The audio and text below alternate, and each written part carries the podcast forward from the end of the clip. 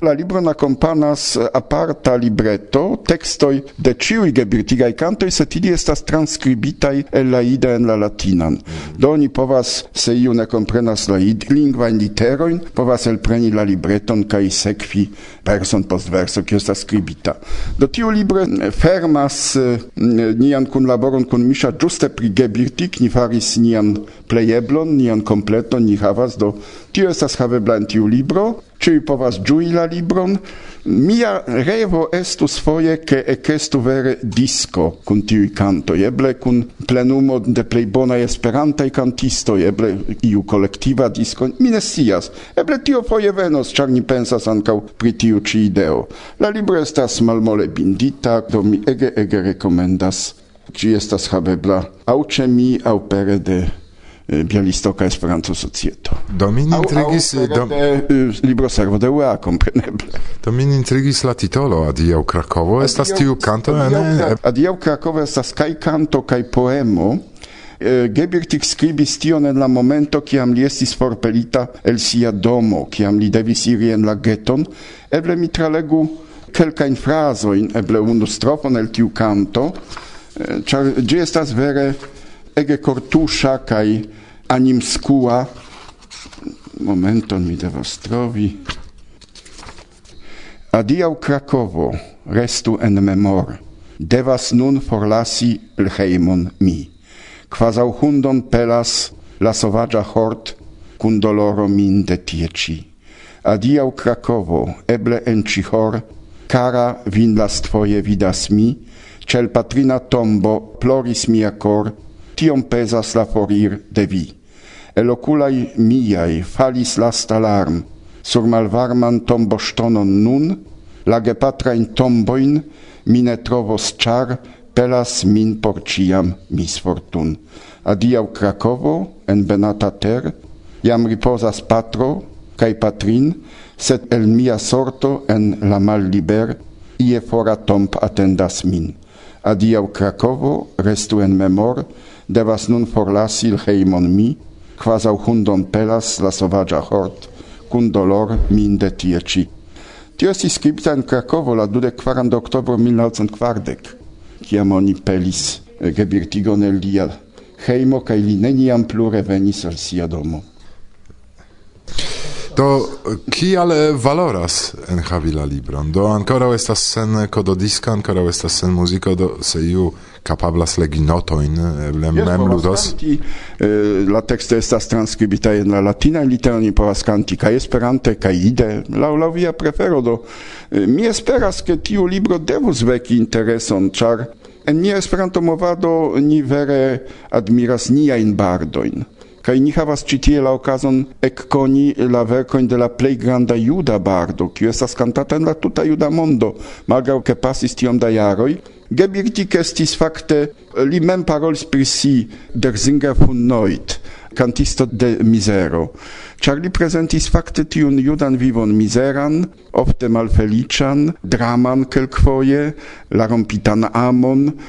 Li ciam estis en tiu vivo, cae tiui cantoi efervescas gis hodiau, cae en ciu canto vi trovas iomete da judo, pinceton da judo kai generale kial ni esperantisto pri la ida i judaj temoj, juste pro la persono de Zamenhof, e, multaj provas fari li litovon, ruson, germanon, polon kaj tiel plu ne. Zamenhof estis judo kaj ni okupiĝo pri la juda kulturo, pri tiuj restaĵoj de tiu mirinda literaturo, mirindaj kantoj devus esti nia devo de esperantistoi, char ni nur havas la chanson tion savi. Pro tio la libra aperis dulingve, ide ca esperante, char ancau Mm, eh, kiam malaperas la nombro da it parolantoj ni kvazaŭ ankaŭ memorigas la lingvon kiu iris la saman vojon kiel Esperanto kaj ni ne forgesu ke Zamenhof estis unu el la unuaj kiuj prilaboris la gramatikon de tiel nomata ĵargono kaj mi eĉarogas al mi aserti ke Eh, sen tiu provo de ida gramatiko de Zamenhof ne estus Esperanto, ĉar ida estis ĝuste tiu tipo de Esperanto migrante el okcidenta Eŭropo, ĝi ensuĉis vortojn el diversaj lingvoj, kompreneble krom la religia vortaro, kiu ĉiam estis tradicia hebrea, biblia, kaj la plej interesa estis che devis esti existi mecanismo kiu adoptis tiun vortoin el hispana, el germana, el rusa, el ukraina el la pola, adapti ilin en la lingvon. Kaj ĝuste dank al tiu mekanismo, kiu ne konis Zamenhof kaj priskribis, li ekkaptis la ideon eble pri internacia lingvo pri Esperanto. Tiel mi opinias, kaj eble tio estas vero. Sur la tablo inter libroj diversaj mi vidas Nobel premi itan eh, Wiesława Szymborska, kaj last estis denove Nobel premio por, por la verkistino Olga Tokarczuk. Yes, kaj tio denove havigos al mi multege da laboro, ĉar mi planas traduki por la venonta jaro, por la sekvaj Zamenhofa Esperanto tagoj en Bialistoko, mi volus havi tri pretajn romanojn de Olga Tokarczuk, la libroj de Jakobo, La vaguloj, la pola lingvo Bieguni, kai e, alian libron, kiu estas malfacile tradukebla fakte, praviek kai aliaj tempoj. E, oni povus praviek traduki kiel pratemp, sed praviek estas autentika vilaĝo, kiu estas en la Kielce regiono, do ni lasu praviek. E, la germana traduko estas ur, denove pra, kai und andere Zeiten, kai aliai tempoi Do bedaŭrinde en Esperanto tion bone oni povus fari tiun, mi diru, artifikon, sed tion neble ne redonas tion. Kion ni povas diri al la aŭskultantoj pri Olga Tokarczuk, ĉar ili ne konas ŝin, mi pensas. Unue ege charma virino, juna anime, juna spirite, virino kiu komprenas la tempon, kiu estas parto de tiu tempo, kaj ŝi skribas mirindajn historiojn. Mi admiras ĉe Olga Tokarczuk, ke per kelkaj kiel pentristo kelkfoje tiras penikon, ŝi skribas kelkajn frazojn kaj tuj kreas historion, kiu estas ega tentokapta. Tio estas nekredebla proza talento, kapablo prezenti elpensi historiojn, inventi historiojn, komponi historiojn, kai la libro de Jacobo estas mirinda excurso en la dekokan jarcenton. Kai ankaŭ tio estas por ni malkovro eh, ke eh, Pollando ne estis unueca lando. Che in tiu tempo estis diversai contacto inter Ucraino, inter Judo, inter Poloi. Eh, si scribas pri tre interesa reformo de eh, Jacob Frank, kiu nomis sin profeto, kai provis eh, altiri alla cristianismo judo in presentante propran vision de la mondo. Compreneble, eh, tiu profetemo de eh, Jacob Frank captis multa in adepto in Vidu, multa judo tiam baptis sin, ili acceptis polain nomoin, kai oni povas diri, ke anka multa in poste famain familioin habis judain pravulo in protio oni quasi en Polando, pens, ani ah, havas judain prauloin, credeble vere, se tio okazis. Estis tiaj momentoj en la historio, kaj kiam nun mi scias, ke oni ne lasu fremdulojn, ke tio estas danĝero, ke ili alportas insektojn, malsanojn, oni forpelu ilin, ne, mi diras, tio estas riĉeco. Se ni kapablas integri tiujn homojn en nian kulturon, respektante ilian kulturon ankaŭ en tiu senco eh, ne ne ŝanĝante ilin kontraŭvole ke vi akceptu nian kulturon kaj forgesu la vian. Se estas ia ebleco ia sintezo kunigi ambau kulturojn, kunigi religioin, por vivi pace. Vidu, mi estis en Albanio, mi vidis tian situacion, ke eh, catolica katedralo estis vital vide la islama moskeo, la homoi pregis samtempe, eliris, kai neniu neniu atakis. Ili ciui vivis pace, estis ridetantai, estis amikemaj. Eble tio estas la vizio de la, de la estontezo. Kai eh, ancau tiu Nobel premio, la tuta cortusha, Eh, lau mi aranjo kai tiu mirinda Nobel premia prelego de Olga Tokarczuk. Kiam ŝi kun nekredebla eh, sagaco, akrevideco donis eh, diagnozon pri la nuna tempo, pri la nuna mondo, Eh, kaj si mem diris en tiu prelego kio plej grave estas? Demokratio en Pollando fartas bone. Ne tio no jes mi diru. Ni diru eh, kvazaŭ bone sed Olga Tokarczuk diris iun interesan fenomenon ke venas interreto, venas computoro, venas Wikipedio, venas diversaj fontoj de informado, kaj nun ni bezonas novan tipon de literaturo, novan tipon de legantoj, kiu estas kvazaŭ sintezo de tio. Tio estas ege interesa rigardo al la mondo kaj tiu sentema rakontanto, ĉar eh, por rakonti ion oni devas ankaŭ montri sentemon al tio, kion oni, eh, tiun sentan ligitecon kun la mondo, kiun vi priskribas kun eh, eldonisto de libroj kaj ŝatanto de Olga Tokarczuk, eh, granda ŝatanto de Olga Tokarczuk, parolis Irek. Dankon Irek.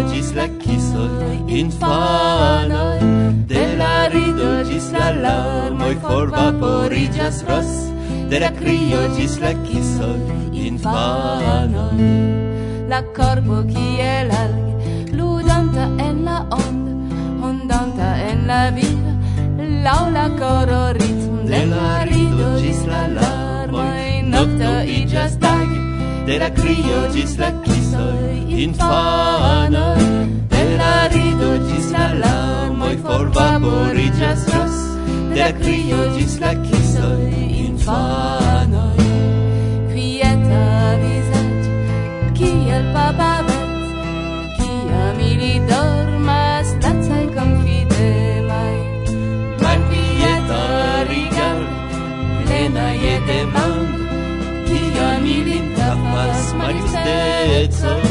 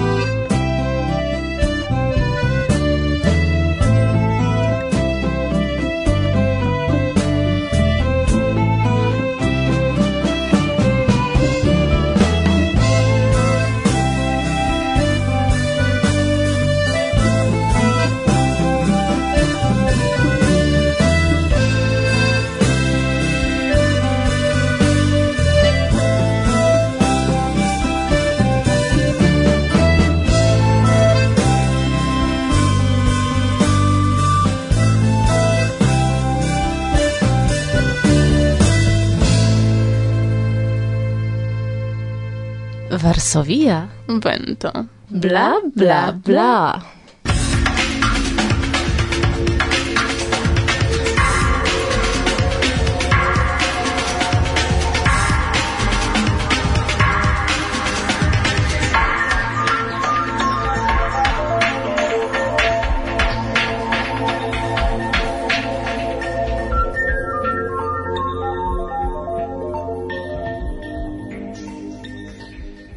Saluton ci tie Kasia Ho, kaj kun mi en la provizora studio de Varsovia Vento.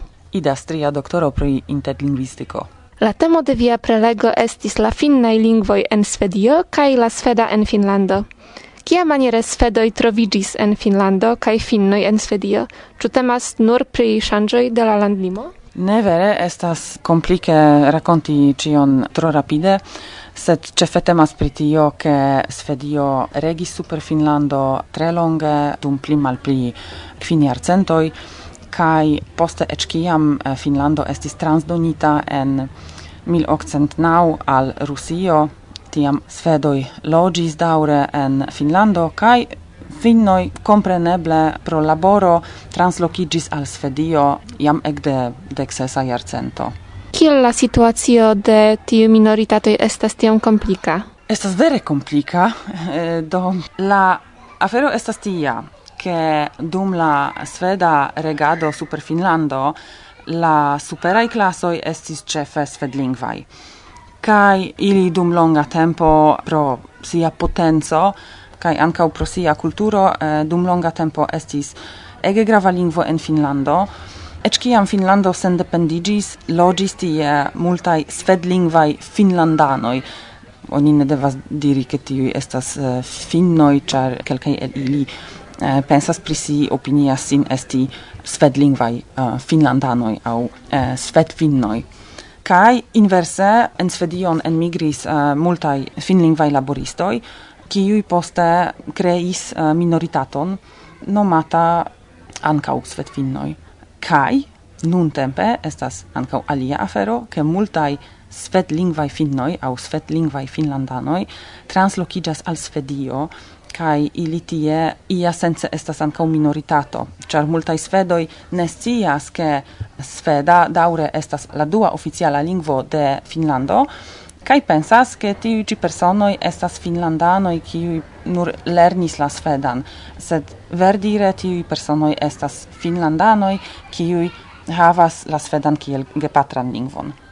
En Svedio troviĝas ankaŭ alia minoritato, kiu estas finlingva, tio estas ĉe landlima minoritato, kiu ĉiam estis finnoj, sed pro la ŝanĝo de limoj ili subite ecestis svedai civitanoi, ca ili daure parolas variajon de la finna, kiun ili nomigas meankieli, kio signifas nia lingvo. Kiel ŝanĝiĝas verŝajne la lingva situacio en ambaŭ landoj? Mi devas diri unue, ke la situacio estas tre bona por minoritatoj en ambaŭ landoj, pli malpli ili havas siajn rajtojn je eduko en sia gepatra lingvo, je kontaktoj oficialaj kun administrai oficioi en sia lingvo, sed interesse estas che exemple en Svedio se venas novai enmigrintoj kaj ili fariĝas minoritato eble eble ili fariĝos minoritato post eh, centjaroj do tiam tiuj minoritatoj aŭ tiuj grupoj de enmigrintoj ankaŭ havas rajton paroli sian lingvon Kai laula svedai legioi se iu popolo logas en Svedio dum suffice longa tempo, do almena tri generazioi se tiu popolo havas sian propran kulturon kai sian propran identecon, tiam post tiui tri generacioj ili ancau havos raiton je edukado kai ili havos raiton nomi sin minoritato oficiale. Kai kiel la situacio aspektas en Finlando? En Finlando ankaŭ estas sufiĉe bone, se iu komunumo havas sufiĉe grandan minoritaton alilingvan krom la sveda kaj la finna kaj la sameaj lingvoj kiuj estas indiĝenaj lingvoj tie. Tiam, se tiu minoritato iam kreskis al 8% de la tuta loĝantaro, ĝi havas ankaŭ rajton uzi sian lingvon en kontaktoj kun administraj oficioj povas esti ke shieldoi au diversai signoi tiam estos dulingvai kotopo. En Finlando la plej granda nuntempe nova minoritato au ne tradicia minoritato kiel exemple svedlingvanoj au sameoj estas uh, rusoj. Do se tiu minoritato kreskos ili havos rajton ĝuste je eduko aŭ je oficialaj kontaktoj kun oficejoj mhm. en sia lingvo. Dankon pro la intervjuo ne dankinde. Estis mia plezuro.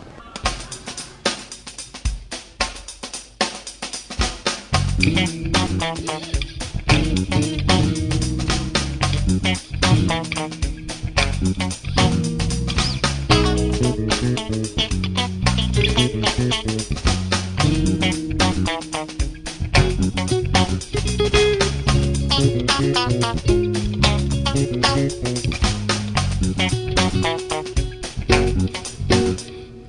Saluton, mi estas Ana Manero, kai invitas vin al angulo de Miguel Fernández. Yes, estas mia vico. Sed sendube la pleia influo sur mia inverso en venas el la tipo de canto nomata bolero. Bolero. Tamen ne en la tradizia hispana, sed en la cuba bolero, kiu naskiĝis en 1898 quian Cubo, Filipino y kai Puerto Rico, la restagioi de iama hispana imperio sen dependigis disde la metropolo. Tiu epoque, rilate al culturo, generale ciu Hispan America landoj cesis rigardi al Hispanio kai directi sian atenton al Francio. En poesio, ili alprenis la modelojn de la escoloi Parnasa kai Simbolisma kai mixante ilin creis la movadon nomatan modernismo, quiu revolucis la hispan lingvan poesion ce ambau bordoi de Atlantico. La modernistoi estis antiburgiai burgioi, quiu tamen sercis la aplaudoin de la burgiaro. La creintoi de la Cuba bolero verkis ties textoin sur base de la modernisma emo epate le bourgeois. Tio estas, sioki la burgion. Cai tiui textoi audace parolas pri amo absolute sen tabuoi, pri amoi corsirai, enormai, neeblai, sen finai. La triangulo Cubo, Porto Rico, Mexico, estis la plei activa cadro kie la bolero disvolvigis. De tie gi disvastigis al diversai americai landoi cae atingis Hollywoodon – En la nuntempai Latin Americo kaj Hispanio la bolero plue iras sian vojon. Bone, en ne malmultaj el miaj poemoj baziĝis sur la intensai amai vibroi palpeblai en conatai boleroi. Mi cantos al vi unuet sabor a mi, tio esa sapor y mi, gusto y mi, de Álvaro Carrillo. La lírica sparco spruzas el neevitebla facto dis illo fare de amatino. En eh, Saporgemi, si iam foriris, tamen la autoron consolas jena facto, kiom ain da iaroi passos, si nepre ciam portos en la buscio saporon, guston, ieli. Sed la poesian efficon, Ciui boleroi atingas ne nur el la menciitai liricai sparcoi, sed ancau el originala mixajo de melodio cae cariba ritmo. Ec al boleroi.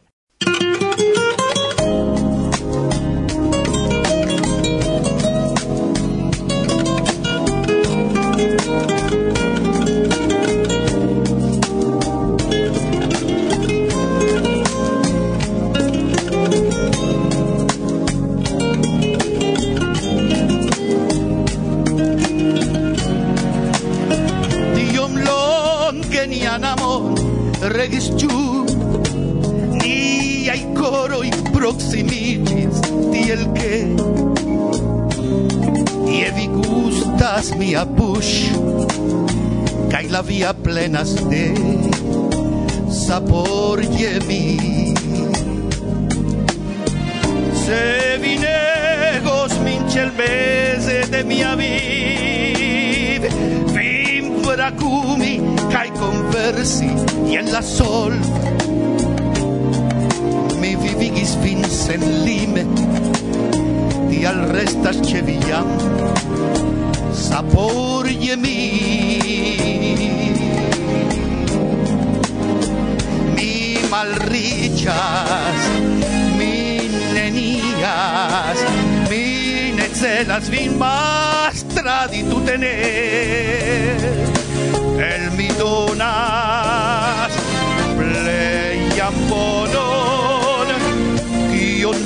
ian povus doni ni hove pasos pli ol du miliaroi multai pli. Ciu l'eterno havas amon mancas ci sed ec tie kiel ci. Via buŝe restos jam.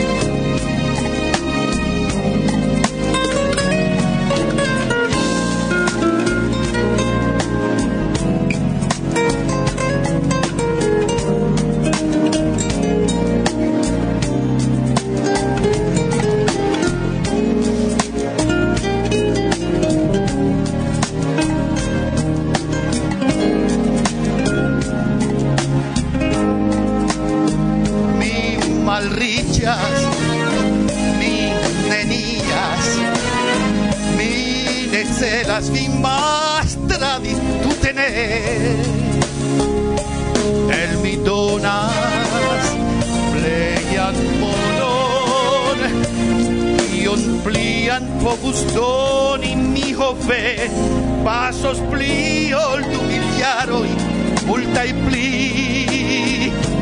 Ĉu l'Eterno havas amon, mancas ti, sed eĉ tie kiel ĉi, via buŝe restos jam sabor je vi.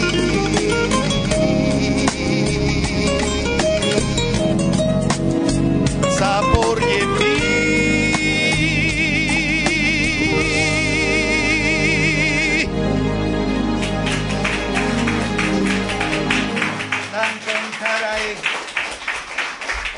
Koran dankon.